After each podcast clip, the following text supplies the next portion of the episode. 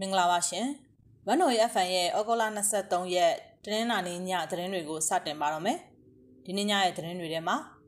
ရန်ကုန်မြို့တမိုင်းမြို့တင်မှာအပြန်အလှန်ပစ်ခတ်မှုဒီနေ့မနက်ဖြစ်ပွားခဲ့တဲ့သတင်း။စစ်ကောင်စီ BGF ပူးပေါင်းတပ်နဲ့ KMU တပ်တွေကော့ဂရိတ်မှာတိုက်ပွဲပြင်းထန်နေတဲ့သတင်း။ဘောလခဲတိုက်ပွဲမှာစစ်ကောင်စီတပ်က3ဦးသေဆုံးပြီး2ဦးပြင်းထန်ဒဏ်ရာရတဲ့သတင်း။ PDF တမှုဘုံခွဲတိုက်ခိုက်ခဲ့တာကြောင့်စစ်ကောင်စီတပ်သား2ဦးသေဆုံးတဲ့တဲ့။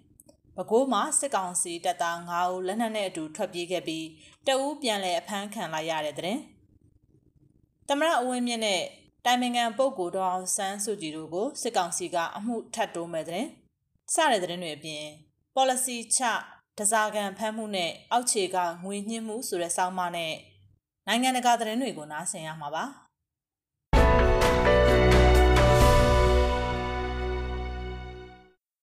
ရန်ကုန်တမိုင်းမြို့တင်မှာရှိတဲ့နေအိမ်ကိုစစ်ကောင်စီတပ်ကဝင်ရောက်စစ်ဆေးရာကနေအပြန်အလှန်ပစ်ခတ်မှုတွေဖြစ်ပွားခဲ့တယ်လို့ဒေသခံတွေရဲ့ပြောကြားချက်အရသိရပါတယ်။မယန်းကုန်းမြို့နယ်တမိုင်းတရက်ကွက်ချွေဝါထွန်းလမ်းမှာရှိတဲ့နေအိမ်ကိုဒီနေ့မနက်9နာရီကျော်အချိန်ကစစ်ကောင်စီတပ်ဖွဲ့ဝင်တွေဝင်ရောက်စစ်ဆေးခဲ့ရာကနေအပြန်အလှန်ပစ်ခတ်မှုဖြစ်ပွားခဲ့တာပါ။ထိခိုက်ဒဏ်ရာရရှိသူတချို့ရှိနိုင်တယ်လို့ဒေသခံတွေကဆိုပါတယ်။ ရဲတပ်ဖွဲ့နဲ့စတင်ပစ်ခတ်မှုဖြစ်ပွားပြီးနောက်ပိုင်းစစ်ကောင်စီတပ်ဖွဲ့ကအင်အားများပြားနဲ့ထပ်မံရောက်ရှိလာခဲ့တယ်လို့ဒေသခံတွေကဆိုပါတယ်။ပစ်ခတ်မှုအပြီးမှာလူငယ်တချို့ဖမ်းဆီးခံလိုက်ရတာရှိတယ်လို့လည်းကြားသိရပါတယ်။အဝင်ထွက်တော့ပိတ်ထားတော့မှာပဲမနက်ကပြစ်တံတွေတော့ကြားရတဲ့အဖမ်းခံရတဲ့သူလည်းရှိတယ်ဆိုပေမဲ့ဘသူတွေလဲတော့မသိရသေးပါဘူး။မနေ့ကပြစ်ခံရတဲ့အတွက်ရောဒလန်သတင်းပေးတာကြောင့်ရောဝင်ရှာတယ်လို့ထင်ပါတယ်လို့ဒေသခံတအူးကဆိုပါတယ်။လက်ရှိမှာစစ်ကားတွေပြန်ထွက်သွားပေမဲ့အရက်ဝတ်နဲ့ကင်းမုံဝတ်တွေချထားခဲ့တယ်လို့ ဒေသခံတွေကပြောပါတယ်။မနေ့ကဘရဲနောင်တရားလှိုင်းသားရဘက်အချမ်းမှာလုံခြုံရေးယူထားတဲ့စစ်ကောင်စီတပ်ဖွဲ့ဝင်တချို့တေဆုံးမှုနဲ့ထိခိုက်ဒဏ်ရာရရှိမှုတွေရှိခဲ့ပါတယ်။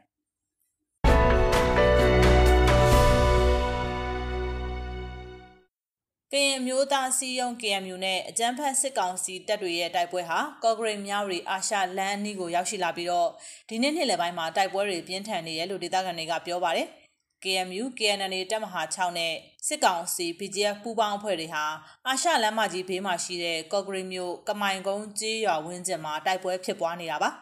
ကမိုင်ကုန်းဆိုတာရွာကြီးရွာရန်ရှည်စစ်ကောင်စီကအိုက်နားမှာတက်ဆွဲပြီးတော့ဟိုပစ်ဒီပစ်နဲ့ရမ်းပစ်နေတော့ရွာသားတွေထိကုန်မှာလို့ဒေသခံကဆိုပါတယ်စစ်ကောင်စီနဲ့ BGF ပူးပေါင်းတပ်ဖွဲ့ဟာအင်အားများပြားနဲ့နေရာယူထားပြီးတော့ဒီနေ့နေ့လယ်မှာလက်နက်ကြီးတွေနဲ့အချက်50ထက်မနည်းပစ်ခတ်နေတယ်လို့ဒေသခံကပြောပါတယ် အာရှလန်ကိုအသုံးပြုနေတဲ့ရင်မောင်းတွေအနေနဲ့သတိပြုမောင်းနှင်ကြဖို့ရင်မောင်းချင်းချင်းသတိပေးတာတွေလည်းရှိနေပါတယ်။ဒေသခံတွေကတိုက်ပွဲပုံမပြင်းထန်လာမဲ့အရေးကြောင့်ဘေးလွတ်ရာကိုတင်းရှောင်နိုင်ရေးစ조사နေကြတယ်လို့သိရပါတယ်။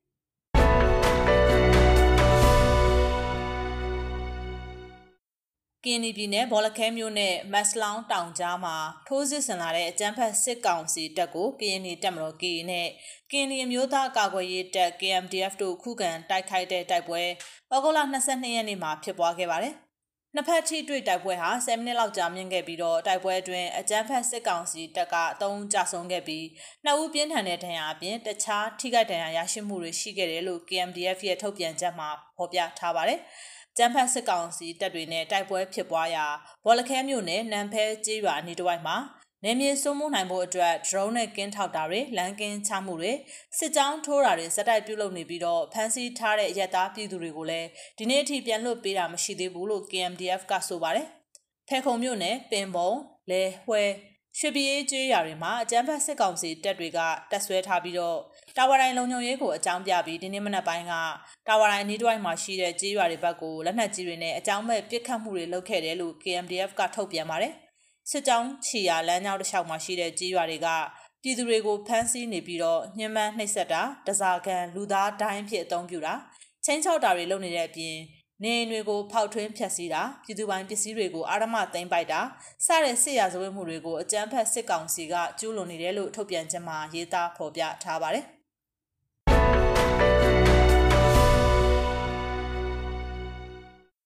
ပြည်သူ့ကာကွယ်ရေးတပ် PDF တမူကဘုံခွဲတိုက်ခိုက်ခဲ့တာကြောင့်စစ်ကောင်စီတပ်သား2ဦးသေဆုံးပြီးထိခိုက်ဒဏ်ရာရရှိမှုတွေရှိခဲ့တယ်လို့ PDF တမူကဩဂုတ်လ22ရက်နေ့မှာထုတ်ပြန်ပါတယ်။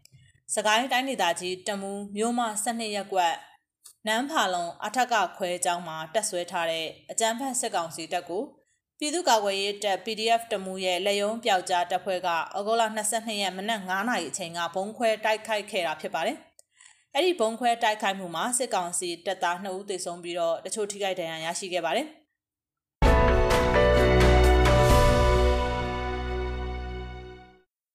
ပဲခူးမှာတက်ဆွဲထားတဲ့စစ်ကောင်စီတပ်ကတပ်သား9ဦးဟာလက်နက်အပြည့်စုံနဲ့ဩဂုတ်လ22ရက်နေ့မှာထွက်ပြေးသွားခဲ့တယ်လို့မြစည်းမကစုံစမ်းသိရှိရပါတယ်။မြို့ကင်းတရာမှာကင်းဆောင်ရဲဘော်9ဦးဟာအကြမ်းဖက်စစ်ကောင်စီကိုစွန့်ခွာခဲ့တာဖြစ်ပြီးတဦးကတော့ပြန်လည်အဖမ်းခံလိုက်ရတာပါ။မင်းညမှာရက်ကွက်နေရအစုံနဲ့ရွာတွေမှာစစ်ခွေးတွေလိုက်ရှာနေတာနောက်ဆက်တွဲတော့မကြားမိသေးဘူးလို့စစ်တပ်နဲ့နှီးဆက်သူတဦးကပြောပါတယ်။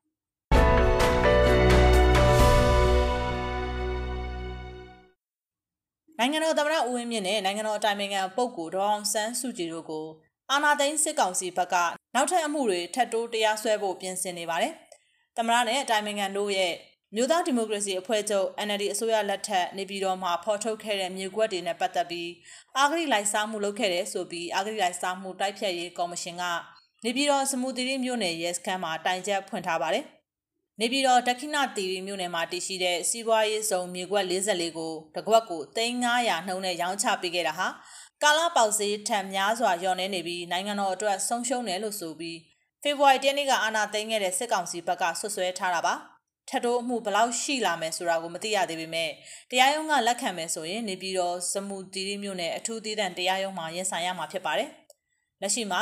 သမရအဝင်းမြင့်ကိုဆွဲဆိုထားတဲ့အမှုနှစ်ခု ဒေါအောင်ဆန်းစုကြည်ကိုမကြာခဏထပ်တိုးဆွဲဆိုထားတဲ့အမှုဟာ၁၀မှုရှိပြီးတော့တပတ်ကို2ရက်ပုံမှန်စစ်ဆေးခဲ့ပေမဲ့ COVID-19 ကူးစက်မှုမြင့်မားနေတာကိုအကြောင်းပြပြီးရုံးထုတ်စစ်ဆေးမှုတွေကိုသတင်းပတ်6ပတ်ရွှေ့ဆိုင်းခဲ့ပြီးဖြစ်ပါတယ်။ဒါ့အပြင်နောက်ထပ်ရုံးချင်းကိုလည်းစက်တင်ဘာ6ရက်နေ့နဲ့9ရက်နေ့တွေမှာပြန်လည်ချင်းဆိုထားပါတယ်။နိုင်ငံတော်ကြီးကဲတွေရဲ့ရှင်းနေဖွဲ့ကတော့အမှုသည်နဲ့တွေ့ဆုံပြီးအမှုကိစ္စတွေတိုင်းပင်ဆွေးနွေးဖို့တောင်းဆိုသွားမယ်လို့ရှင်းနေဥခင်မောင်စောရဲ့ပြောကြားချက်အရသိရပါတယ်။ လက်ရှိမှာဂျားကန်လူဒုတိယရဲမှုကြီးတဦးကိုတွေ့ဆုံခွင့်ရဖို့နှုတ်နဲ့ကနဦးပြောဆိုထားပြီးဖြစ်တယ်လို့သိရပါတယ်။ကျွန်တော်တို့ကနောက်ထပ်ဆွဲဆိုလိုက်တဲ့အမှုအတွက်မေးစရာမြန်းစရာနဲ့ပါဝါယူဖို့ရရှိပါတယ်။စာမတင်ရသေးပါဘူး။တင်နာကတော့မြန်မာနိုင်ငံရဲတပ်ဖွဲ့တာဝန်ရှိတဲ့ပုဂ္ဂိုလ်ကိုတင်ရမှာပေါ့လို့ဥက္ကမောင်စောကဆိုပါတယ်။စေုပ်စုကလူမှုမဲဆန္ဒနဲ့ရွေးချယ်တင်မြှောက်ခဲ့တဲ့ဒေါအောင်ဆန်းစုကြည်အပါအဝင်ရတအစိုးရခေါင်းဆောင်တွေကိုဖမ်းဆီးထိန်းသိမ်းထားတာရပ်ပေါင်း190ကျော်ပြီဖြစ်ပါတယ်။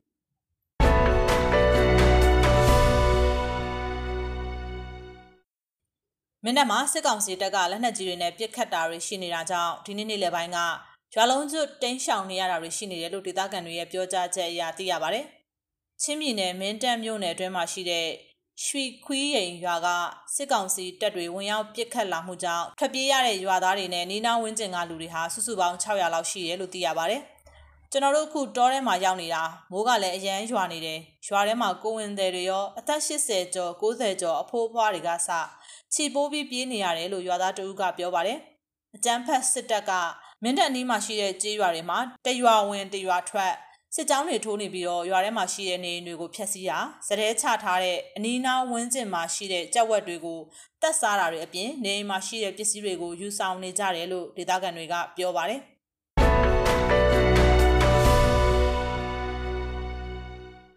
စကိုင်းတိုင်းဒေသကြီးရမပင်ခရိုင်ပလဲမြို့နယ်အတွင်းမှာရှိတဲ့ကျေးရွာတွေကိုအကြမ်းဖက်စစ်ကောင်စီတပ်သားတွေကဝင်ရောက်မှွေနှောက်ပြီးစံနဲ့စားတောက်ကုန်တွေကိုယူဆောင်သွားခဲ့ပါတယ်။မကောလာ22ရက်နေ့ညနေပိုင်းမှာပလဲမြို့နယ်နဲ့ရှစ်မိုင်ခန့်အကွာမှာရှိတဲ့သတင်းရွာ၊ကံကြီးရွာ၊ကျူကျန်ရွာတွေကိုစစ်ကောင်စီတပ်သားအင်အား100လောက်ဝင်ရောက်ခဲ့တာဖြစ်ပါတယ်။ကျွန်တော်တို့ရွာနဲ့တမိုင်လောက်ဝေးတဲ့အနောက်မင်းမရွာမှာတော့စီဒီယန်ကျောင်းဆရာတယောက်အိမ်ကိုဝင်ဖြတ်သွားပါတယ်။နောက်ကျွန်တော်တို့ရွာထဲကိုတနက်တွေဖောက်ပြီးဇက်တိုက်ဝင်လာတယ်။ အိမ်တွေကိုမှုေကြတာမြင်တဲ့သူတွေပြန်ပြောပြတာတော့ဆန်တွေကိုကားပေါ်တင်သွားတယ်အခုကျွန်တော်တို့လည်းရှောင်ပြေးနေရတော့ဘလောက်ပါသွားတယ်ဆိုတာတိတိကျကျမပြောနိုင်သေးဘူးလို့သတင်းရွာကဒေသခံတအူးကပြောပါတယ်သတင်းကန်ကြီးနဲ့ကျူချန်ရွာကအင်ဂျီ400လောက်ရှိတဲ့ရွာကြီးတွေဖြစ်ပြီးဘေးကက်လျက်ရွာနီးချင်းတွေဖြစ်ကြပါတယ်ရွာသားအများစုဟာပဲမျိုးစုံနဲ့စပားကိုအဓိကစိုက်ပျိုးတဲ့တောင်ရအလုပ်ကိုလုပ်ကင်ကြတာပါ ဒီနေ့ဩဂုတ်လ23ရက်နေ့မနက်ပိုင်းအထိစစ်ကောင်စီတပ်သားတွေဟာကြေးရွာမှာရှိနေတာကြောင့်ရွာသား3000လောက်ဟာနီးစပ်ရာတောထဲကိုတိမ်းရှောင်နေကြရပါတယ်။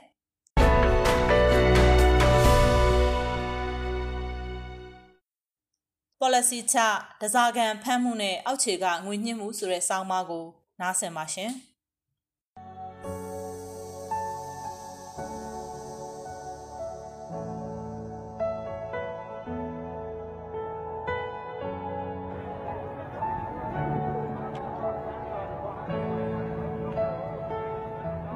မင်းအောင်လှိုင်ခေါင်းဆောင်တဲ့စစ်အုပ်စုအာဏာသိမ်းတာနဲ့လူထုဟာတတိုင်းပြည်လုံးလဲနေလေအောင်မြင်းဆောင်မကြံတော်လန်အခမ်းမှုတွေလှုပ်ဆောင်ခဲ့ပါတယ်။ လူထုဟာအယက်သားအစိုးရရဲ့လူသားဆန်ဆန်အုပ်ချုပ်မှုကိုခံခဲ့ရပြီးနောက်စစ်အုပ်စုရဲ့တနက်ပြောင်းထောက်အုပ်ချုပ်တဲ့စစ်အာဏာရှင်စနစ်ကိုလက်သင့်မခံနိုင်တာကြောင့်အာဏာသိမ်းပြီးရပိုင်းကလေးက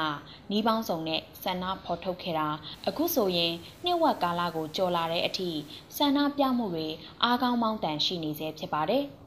စစ်အုပ်စုဟာဆန္ဒပြမှုတွေစတင်တဲ့အချိန်တုန်းကတော့ဒီအတိုင်းလွှတ်ထားခဲ့ပါတယ်။ ဘယ်နေရာဘယ်မြို့ဘယ်ဒေသမှာတော့လူအင်အားဘလောက်အထိပါဝင်လာသလဲဆိုတာကိုစောင့်ကြည့်ခဲ့တာပါ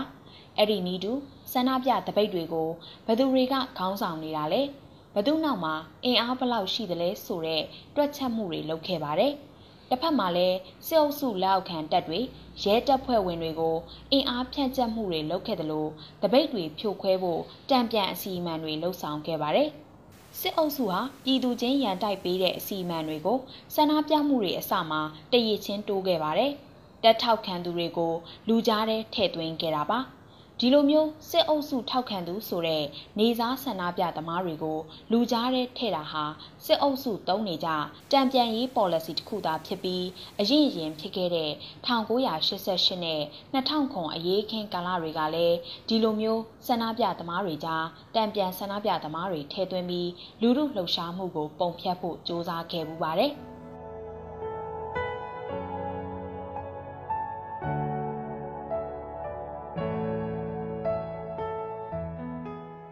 တံပြန်ဆန္ဒပြသမားထဲသွင်းပုံဖြတ်တဲ့လောက်ရက်ကိုတတိကြီးကြီးနဲ့ကင်တွယ်ခဲ့ကြတဲ့အတွက်စစ်အုပ်စုဟာနောက်တဆင့်တက်ခဲ့ပါတယ်။အဲ့ဒါကတော့တက်ထောက်ခံသူတွေဘက်ကရန်စားတိုက်ခိုက်မှုတွေကိုစတင်လုပ်ခိုင်းခဲ့တာဖြစ်ပါတယ်။မြို့လေကောင်ဓာထိုးမှုတွေအထိတက်ထောက်ခံသူတွေကကျူးလွန်ခဲ့တာပါ။ ဒီရန်စတိုက်ခိုက်မှုတွေဟာစစ်အုပ်စုအစီအမံဆိုတာနဲ့တံပြန်တိုက်ခိုက်မှုတွေလုပ်ရင်ငိမ့်ချမ်းတဲ့လူလူဆန္ဒပြမှုကိုပုံဖြတ်မှာကိုတည်ထားပြီးဖြစ်လို့ဆန္ဒပြပြည်သူတွေဟာချီးကိုလူယွန်တယ်လို့မျိုးပြန်လဲတုံ့ပြန်တာတွေမလုပ်ခဲ့ပါဘူး။အဲ့ဒီနောက်တော့စစ်အုပ်စုဟာလူလူချင်းသွေးခွဲတဲ့အစီအမံတွေကိုနောက်တဆင့်ထပ်မြင်ခဲ့ပါတယ်။လုတ်ပိုင်ခွင့်အာဏာအယိုးအရင်ပေးရင်ကိုပျော်နေတဲ့သူတွေကိုအုပ်ချုပ်ရေးမှုယာဒူးတွေပေးပြီး စီးယုံခဲ့တယ်လို့တစ်ဖက်မှာလည်းပြူစောထီလိုစစ်မှုရန်ဟောင်းလိုအဖွဲ့တွေကိုလက်နက်တပ်ဆင်ပေးပြီးစန္ဒပြမှုတွေကိုနှိပ်ခုတ်ဖို့လုပ်ခဲ့ပါတယ်။ဒီအဖွဲ့တွေကိုတုံးပြီးဒေတာအလိုက်သတင်းပေးဒလန်တွေမွေးပြီးသတင်းရယူစန္ဒပြသူတွေကိုဖမ်းဆီးတာတွေစက်တိုက်လုပ်ခဲ့တာပါ။ တစ်ဖက်မှာလည်းအင်အားကြီးမားတဲ့လမ်းမော်ကဆန္ဒပြမှုတွေကိုမင်းအောင်လှိုင်လက်အောက်ခံစစ်တပ်နဲ့ရဲတပ်ဖွဲ့ဝင်တွေကတေတဲ့အထိပြစ်ခတ်တပ်ဖြတ်ဖြိုခွဲမှုတွေဇက်တိုက်လှုပ်ဆောင်ခဲ့ပါတယ်။ဒီလိုလူသေးတဲ့အထိတပ်ဖြတ်မှုဟာသူတို့ကြောင့်မဟုတ်ဘဲဆန္ဒပြသူတွေကအကြမ်းဖက်တဲ့အဆင့်အထိရောက်လာလို့ပါဆိုတဲ့မဟုတ်တမ်းတရားဝါဒဖြန့်မှုတွေကိုနှီးပေါင်းစုံသုံးလိန်ညာခဲ့ပါတယ်။ ဒါဟာ1988ခုနှစ်လူလူအရေးတော်ပုံအပြီးစစ်တပ်ကလုပ်ခဲ့တဲ့တံပြန်အစီအမံတွေအတိုင်းတသွေမတိန်လိုက်လုပ်ခဲ့တာဖြစ်ပြီးအာဏာသိမ်းပြီးလူလူလှုပ်ရှားမှုတိုင်းကိုဒီနည်းနဲ့ဖြေရှင်းရမယ်ဆိုတဲ့စစ်တပ်ရဲ့ policy စစ်တပ်ရဲ့မူဝါဒလိုဖြစ်လာပါတယ်။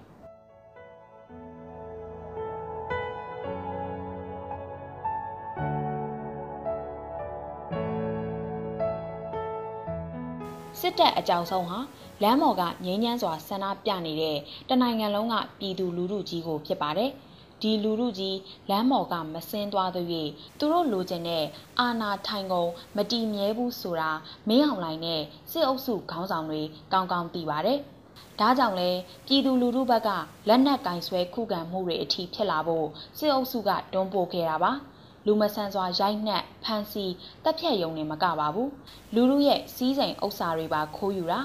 ရွာလုံးကျွမီးရှို့ပြီးအိုးအိမ်မဲ့ဘဝနဲ့အခက်အခဲဖြစ်အောင်လုပ်တာတွေအစုံတစ်ခုပြီးတစ်ခုတဆင့်ပြီးတဆင့်တက်ပြီးရက်ဆက်ပြီးရိုင်းဆိုင်ပြရုံမာပြခဲ့ကြပါတယ်ဒီလိုရက်ဆက်ရိုင်းဆိုင်ရုံမာတာကလက်နက်ကင်စစ်တပ်နဲ့ရဲတပ်ဖွဲ့ဝင်တွေနဲ့မကပါဘူးသူတို့ပေးထားတဲ့အယိုးရင်ကြိုက်ပြီးသွားဖြဲပြတဲ့အဆွဲထုတ်ပြတဲ့အောက်ခြေအဆင့်အုပ်ချုပ်ရေးမှုတွေရက်ကွက်အုပ်ချုပ်ရေးမှုတွေ ဆဲအိမ်မှုယာအိမ်မှုတွေကလည်းလိုက်လုပ်ခဲ့ကြတာပါ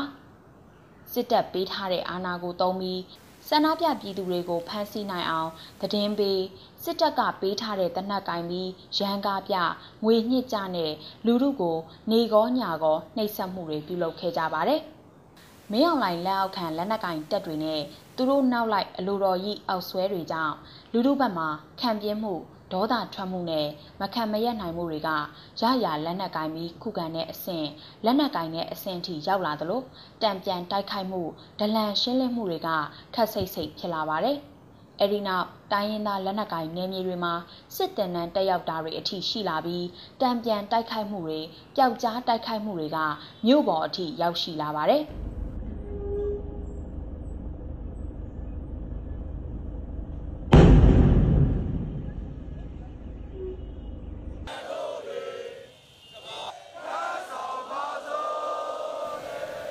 ဒါဟာမင်းအောင်လှိုင်ခေါင်းဆောင်တဲ့စေအုပ်စုဖြစ်စေခြင်းနဲ့လိုချင်တဲ့အခြေအနေတစ်ခုပဲဖြစ်ပါတယ်။ဒီလိုတံပြန်တိုက်ခိုက်မှုတွေကိုအကြောင်းပြပြီးဒီလူတွေဟာဆန္ဒပြပြည်သူတွေမဟုတ်ဘူးအကြမ်းဖက်သမားတွေပါဆိုပြီးတံပြန်ဝါဒဖြန့်တာတွေဆက်လက်အောင်မှာဖြစ်တယ်လို့ဒီအခြေအနေဟာ1988လူမှုအရေးတော်ပုံအပြီးကာလဖြစ်ခဲ့တဲ့အခြေအနေနဲ့ထပ်တူကျနေတဲ့အခြေအနေလို့တောင်ဆိုရမှာဖြစ်ပါတယ်။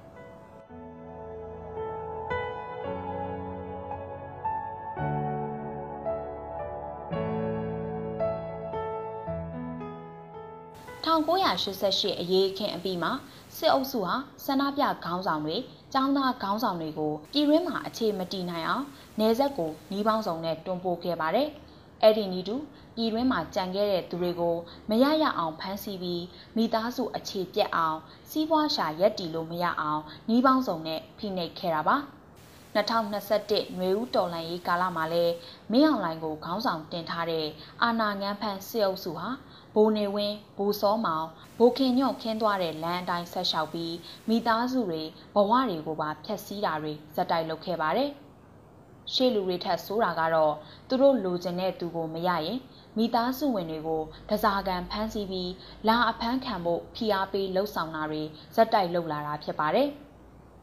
ဒါဟာဥပဒေနဲ့ဖွဲ့စည်းထားတဲ့လက်နက်ကိုင်စစ်တပ်တစ်ခုကလုံလေလုံထရှိတဲ့တွင်ပြင်လက္ခဏာမဟုတ်ဘဲအကြမ်းဖက်အဖွဲ့လက်နက်ကိုင်လူသက်ဂိုင်းတစ်ခုလုံတက်တဲ့တွင်ပြင်လက္ခဏာတွေသာဖြစ်ပါတယ်။ရှေ့ပိုင်းကာလမှာဒီလိုမျိုးမိသားစုဝင်တွေကိုဒဇာကန်ဖမ်းပြီးလာဖမ်းခံဖို့လှုံ့ဆော်မှုကြောင့်ဒါဟာအလုတ်ဖြစ်တယ်လို့စေအုပ်စုကသတ်မှတ်လိုက်ကြတယ်လို့ဆိုရမှာပါ။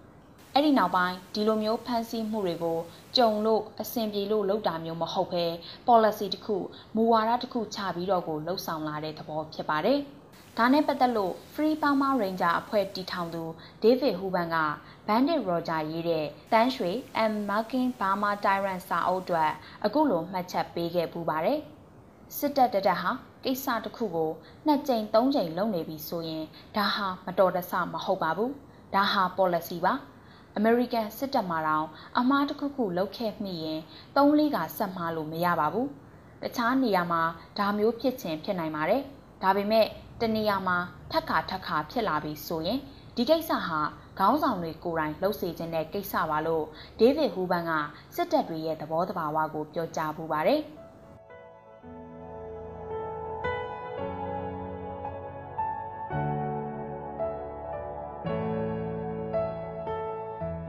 စစ်အုပ်စုဟာဆန္ဒပြခေါင်းဆောင်တွေတပိတ်ခေါင်းဆောင်တွေကိုမမိရင်မိသားစုဝင်ဖမ်းဆိုတဲ့ policy ချပြီးလှုပ်လာသလိုအကောင့်ထဲပေါ်တဲ့အောက်ခြေအဆင့်မှာလည်းဒီ policy ကိုသုံးပြီးအကျင့်ဖြတ်ချစားမှုတွေကလည်းဖြစ်လာနေတာပါ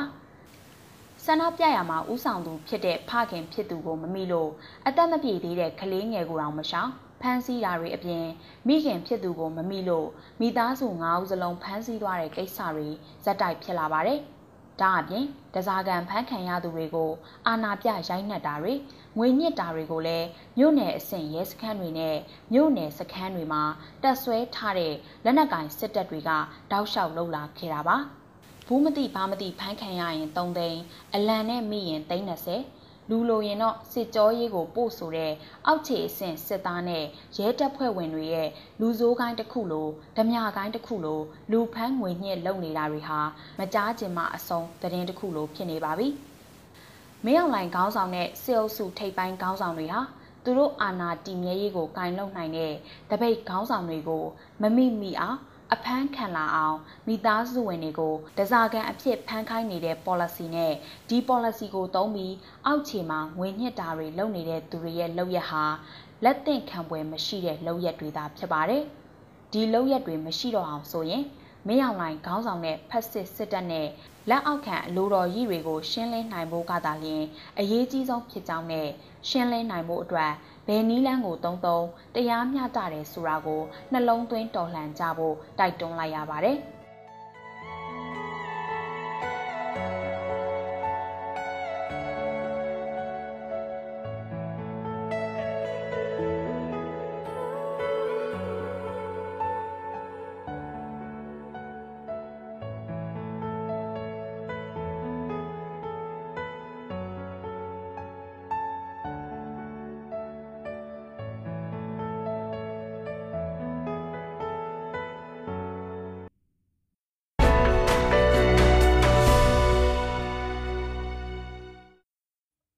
ကိုဗစ် -19 တတိယလှိုင်းမှာယောဂကူးစက်ခံခဲ့ရတဲ့လူငယ်အမျိုးသမီးတဦးက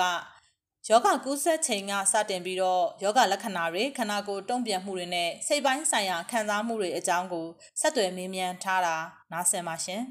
။ကိုဗစ်စဖြစ်တယ်လို့သိတဲ့ရက်ကနေပြီးတော့ဗနေရမြောက်နေ့တွေမှာခံစားရတာအဆိုးဝါးဆုံးဖြစ်လဲ အဓိကကတော့အဲ့ဖြစ်ပြီး6ရက်9ရက်10ရက်ဒီမှာပို့ဆိုးတယ်ပေါ့နော်နောက်ဆုံးညီမအဲ့9ရက်10ရက်နေ့နေ့မှာဆိုလို့ရှိရင်အဖျားအရင်ကြီးတယ်ပြီးတော့အသက်ရှူတွေကျက်တဲ့ချိန်ကျတော့လုံးအဲ့လိုကလည်းမရအောင်အဲ့ခါကျတော့ငုတ်တုတ်ထိုင်နေပြီးတော့ငါဒီနေ့တရက်ကိုတော့ငါရအောင်ကြော်ဖြစ်မယ်ပေါ့နော်နောက်နေ့သာ2ရက်3ရက်ဇက်တိုက်ဒီလိုမျိုးဖြစ်နေရင်တော့ငါဒါကိုခံနိုင်မှာမဟုတ်ဘူးဆိုပြီးတော့အဲ့လိုတောင်းတွေးမိတယ်ပေါ့နော် ၈ရက်မြောက်နောက်ပိုင်းပေါ့နော်၈ရက်မြောက်နောက်ပိုင်းအဲ့9ရက်10ရက်မှာပြန်ပြီးတော့တိတိတတပြန်ပြီးတော့တတ်တာလာတယ်ပေါ့အနံရောအရသာရောပြန်ရသွားတာလည်းပါတယ်အဓိကအဲ့အနံရတာပြန်ရောက်ဖို့ဆိုတာလည်းအဲ့ရင်နွေးမွေးရှူရတာရှိရဲပမာစီအဲ့လိုမျိုးစမုံနဲ့ဆိုတာမျိုးအဲ့လိုပမာစီအမေတို့ကလူကြီးဖြစ်တဲ့ခါကျတော့အဲ့လိုမျိုးရှူခိုင်းတာမျိုးရှိတဲ့ခါကျတော့အဲ့ဒါကြီးကြောင့်လည်းအနံကစောစောစီးစီးပြန်ရတယ်လို့ပြောလို့ရမယ်ပေါ့နော်အဲ့ဒါရှူပေးတယ် အဲ့ချိန်မှာအနမ်းပြန်ရတယ်အရသာပြန်ရတယ်ညီမစစ်ကြည့်တာကတော့17ရက်ကျော်12ရက်နောက်ပိုင်းမှာညီမပြန်စစ်ကြည့်တယ်ပြန်စစ်ကြည့်တဲ့အချိန်မှာတဒန်းမဲ့ပေါ်ရတော့တဲ့အချိန်မှာဟောဒါပိုးမရှိတော့ဘူးထင်တယ်ဆိုပြီးတော့ဆက်ပြီးတော့စောင့်ကြည့်သေးရပေါ့နော်စောင့်ကြည့်ပြီးတော့နောက်ရက်20လောက်မှညီမထပ်စစ်ကြည့်ရပေါ့နော်ထပ်စစ်ကြည့်ရဲ့အချိန်မှာပိုးလုံးဝမရှိတော့ဘူးစိတ်ပိုင်းဆိုင်ရာဝေဒနာခံစားရတာတွေရောရှိလားဘယ်ရက်တွေမှာဖြစ်တာလဲဘယ်လိုမျိုးဖြစ်ခဲ့တာမျိုးလဲ အဓိကအဲ့စိတ်ပိုင်းဆိုင်ရာခံစားရတာကြတော့ညီမတို့စဖြစ်ဖြစ်နေတဲ့တောတွင်းမှာတော့စိတ်ပိုင်းဆိုင်ရာမခံစားရသေးဘူးအဲ့ဖြစ်နေတဲ့အချိန်မှာညီမတို့ကြောက်စိတ်ပဲရှိတာပေါ့နော်ကြောက်စိတ်တော့ရှိအိမ်ကအောက်ဆီဂျင်ကျသွားရင်ဘယ်လိုလုပ်မလဲအဲ့ကာလာတွေမှာအောက်ဆီဂျင်ကလည်းအရန်ရှားနေရခတ်နေရအောက်ဆီဂျင်ကျသွားရင်ဘယ်လိုလုပ်မလဲအဲ့တေးရဆိုတဲ့သတင်းတွေလည်းကြားရတယ်ပေါ့အဲ့လိုတေးရဆိုတဲ့သတင်းတွေကြားလို့ရှိရင်ဒါစိတ်စိတ်ကောက်သူ့အတူကောင်းနေရနေချက်ချင်းအသက်ရှူကြက်တာတွေပါအဲ့လိုမျိုးဖြစ်တာမျိုးတွေလည်းရှိရခါကြတော့အဲ့ဟာတွေလုံးဝ မကြည့်တော့ဘူးပေါ့နော်လုံးဝမကြည့်တော့မကြပြီဒါပေမဲ့မကြည့်ဘူးမကြဘူးဆိုရင်တော့မှအဲ့လိုဖုန်းဆက်ပြီးတော့ကိုအတီမိတ်ဆွေတွေကတော့ဘသူတွေဆုံးသွားပြီပေါ့နော်ကိုအတီမိတ်ဆွေရဲ့ဘယ်မိဘတွေကတော့ဘသူတွေဆုံးသွားအဲ့လိုဟာတွေကတော့အမြဲတမ်းကြားနေရတဲ့ခါကျတော့အဲ့ပေါ်ကတော့စိုးရင်စိတ်ကတော့ရှိတယ်အဓိကကတော့အဲ့ကိုဗစ်ကစိတ်ပဲပေါ့နော်အဲ့စိတ်ကအဓိကပဲသူငါဒီဟာကိုရအောင်ကြော်ဖြတ်မယ်ဆိုတဲ့စိတ်ထားနိုင်လို့ရှိရင်တော့ ဒါကြော်ဖြတ်နိုင်တယ်ပေါ့နော်မိန်းကလေးတော်တော်များများဆိုလို့ရှိရင်ဒီကိုဗစ်ဖြစ်နေတဲ့ကာလနဲ့အဲ့ဓမ္မတာလာတဲ့ကာလရက်တိုက်သွားတဲ့အချိန်ဆိုလို့ရှိရင်အဲ့ဒီခါမှာနည်းနည်းပူခံရတယ်ပေါ့နော်လုံးလုံးပုံမှန်ဓမ္မတာလာတဲ့ဟာကနေပြီးတော့ရက်သွားတာမျိုးရှိတယ်အဲ့ချိန်လို့အဲ့လိုမျိုးဆိုလို့ရှိရင်ဒါမိန်းကလေးတွေရဆိုလို့သူ ပုံမှန်ဓမ္မတာလာတဲ့အချိန်မှာတော့မိန်းကလေးရဲ့စိတ်ကအဲ့လိုအတက်အကျများတဲ့ဟာမျိုးရှိရပေါ့နော်အဲ့ကိုဗစ်ဖြစ်တဲ့ကာလမှာ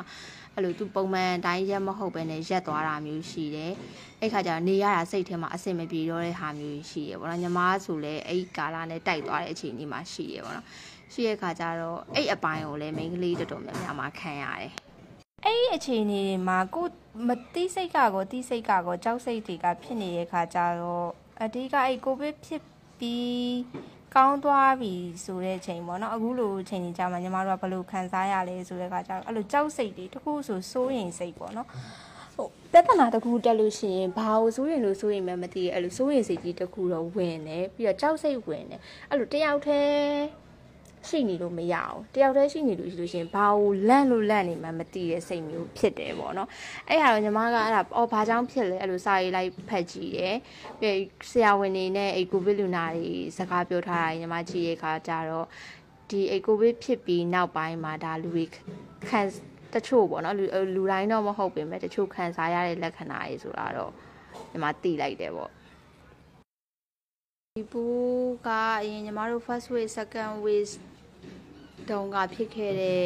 အခြေအနေနဲ့မတူဘူးပေါ့နော်ဒီ test wave မှာလူတွေတော်တော်များများတည်တယ်ပြီးတော့ပိုးကလည်းကူးစက်မှုနှုန်းကလည်းအရန်မြန်တယ်ကူးစက်ပြီးလို့လို့ရှိရင်လည်းခံရမှုနှုန်းကလည်းအရန်မြန်တယ်ပေါ့နော်ညတဲ့ခါကျတော့ကိုကတော့မကူးစက်အောင်ရှောင်နေပေမဲ့လည်း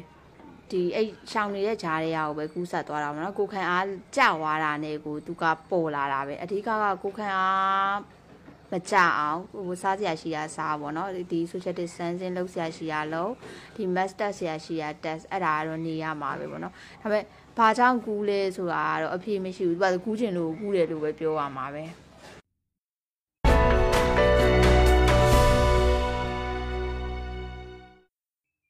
ဆက်လက်ပြီးတော့နိုင်ငံတကာသတင်းတွေကိုတင်ဆက်ပေးမှာပါ။အာဖဂန်နဲ့လေကြောင်းပြန်တမ်းမှုတွေအချိန်မီအဆုံးသတ်နိုင်ဖို့ဘိုင်ဒန်ကမျှော်လင့်နေပါတယ်။နားဆင်ပါရှင်။ အာဖဂန်နစ္စတန်ကစိတ်နှလုံးထိခိုက်ဖွယ်ရာကယ်ဆယ်ရေးလုပ်ငန်းတွေကိုဒီလအကုန်ပိုင်းမှာအဆုံးသတ်နိုင်ဖို့မျှော်လင့်ထားပေမဲ့လူစီကားရာကဘူးလေစစ်ကိုအကြမ်းဖက်တိုက်ခိုက်လာမဲ့အလားအလာရှိနေကြောင်းသမ္မတဘိုင်ဒန်ကဩဂုတ်လ22ရက်တနင်္ဂနွေနေ့ကပြောကြားလိုက်ပါတယ်။မြေပြင်မှာမတည်ငြိမ်တဲ့အခြေအနေတွေကြောင့်ထောက်ပံ့ပို့ဆောင်ရေးအတွက်ကြီးမားတဲ့အခက်အခဲတွေရှိနေပေမဲ့ဘေးလွတ်ရာရွှေ့ပြောင်းပေးနိုင်ခဲ့သူအကြီးအတွက်တဖြည်းဖြည်းမြင့်တက်လာတာနဲ့အမျှတာလီဘန်တွေနဲ့သဘောတူထားတဲ့ဩဂုတ်လ31ရက်မှာအပြီးတတ်နိုင်ဖို့ရည်ရွယ်ထားကြောင်း ဘိုင်ဒန်ကဆိုပါတယ်အချိန်ထက်တိုးစရာမလိုဖို့မျှော်လင့်ထားတယ်လို့အင်ဖြူတော်ကနေပြောကြားခဲ့ပါတယ်အာဖဂန်တလွားမှာအောင်ပွဲခံခဲ့တဲ့တာလီဘန်တွေဟာအစိုးရတပ်တွေထွက်ပြေးသွားတဲ့ကဘူးကိုသိမ်းပိုက်လိုက်ပြီးလူပေါင်း2800ကိုမောင်းထုတ်ခဲ့တဲ့ပြီးခဲ့တဲ့သတင်းပတ်မှာကလေးကဘိုင်ဒန်ကအခုလိုပြောကြားခဲ့တာဖြစ်ပါတယ်စစ်သွေးကြွတွေလက်ကလွတ်အောင်ထွက်ပြေးဖို့ကြိုးစားရင်းလေးစိတ်မှာစုပြုံတိုးနေတဲ့အာဖဂန်တွေရဲ့ရိုးရိုးတဲတဲမြင်ကွင်းတွေကိုသိရှိပြီးအခြေအနေအရဒါကိုလက်ခံပါတယ်လို့သူကဆိုပါတယ် အမေရိကန်အာဏာပိုင်များအနေနဲ့အဆိုပါမစ်ရှင်ကိုအတက်နိုင်ဆုံးမြန်မြန်အဆုံးသတ်နိုင်ဖို့လှုံ့ဆော်နေကြောင်းနဲ့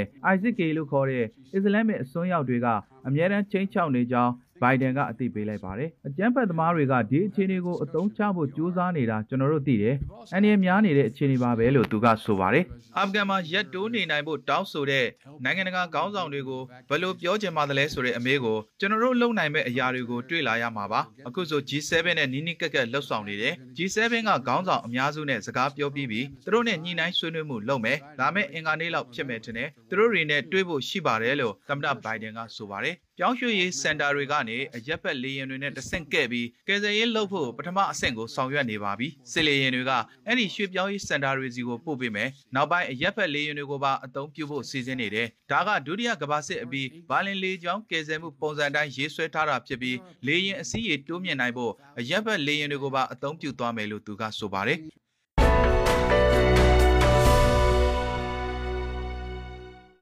အာဖဂန်နစ္စတန်ဟာအကြမ်းဖက်တွေရဲ့ ကွန်းခိုရာဖြစ်လာမယ်လို့ OIC ကသတိပေးပြောကြားလိုက်ပါတယ်။နားဆင်ပါရှင်။အာဖဂန်နစ္စတန်ကိုအကြမ်းဖက်အဖွဲ့အစည်းတွေရဲ့ကွန်ကိုယာတစ်ခုအဖြစ်နောက်ထပ်ဘယ်တော့မှအဖြစ်ခံမှာမဟုတ်တော့ကြောင်းနဲ့တာလီဘန်တွေအာဏာသိမ်းပြီးနောက်ပိုင်းဖြစ်ပေါ်လာတဲ့အကြက်တဲကိုဖြေရှင်းဖို့အတွက် အားလုံးပါဝင်တဲ့တွဲဆုံဆွေးနွေးရေးတွေပြုလုပ်ဖို့အစ္စလာမစ်ပူးပေါင်းဆောင်ရွက်ရေးအဖွဲ့ OIC ကဩဂုတ်လ22ရက်တနင်္ဂနွေနေ့ကပြောကြားလိုက်ပါတယ်။အဆိုပါဆော်ဒီအခြေစိုက်အဖွဲ့အစည်းဟာငြိမ်းချမ်းရေးတည်ငြိမ်ရေးနဲ့အမျိုးသားပြန်လည်တည်မြဲရေးအတွက်အရေးပါတဲ့ကိစ္စတွေကိုဖိအားပေးလှုံ့ဆော်နိုင်ဖို့အာဖဂန်နစ္စတန်ကိုတန်တမန်တွေဆေလွတ်နိုင်ရေးပြောကြားခဲ့ပါတယ်။တာလီဘန်စစ်သွေးကြွတွေအာဏာပြန်လည်ရရှိခဲ့တာတရင်တစ်ပတ်ကျော်လာချိန်မှာအာဖဂန်က အခြေအနေကိုဘလို့ကင်တွယ်ဖြည့်ရှင်းမယ်ဆိုတဲ့ဆုံးဖြတ်ချက်တစ်ခုချမှတ်နိုင်ဖို့အစည်းအဝေးတစ်ခုခေါ်ယူတင်ကြောင်း G7 အပါအဝင်နိုင်ငံပေါင်းစုံအဖွဲ့အစည်းတွေကထောက်ပြခဲ့ကြပါတယ်။တာလီဘန်အစ္စလာမစ်တွေအာဖဂန်ကိုပထမအကြိမ်အုပ်ချုပ်ခဲ့တဲ့1996ကနေ2000ခုနှစ်အတွင်းမှာစက်တင်ဘာ17အကြမ်းဖက်တိုက်ခိုက်မှုအတွက်အဓိကတာဝန်ရှိသူ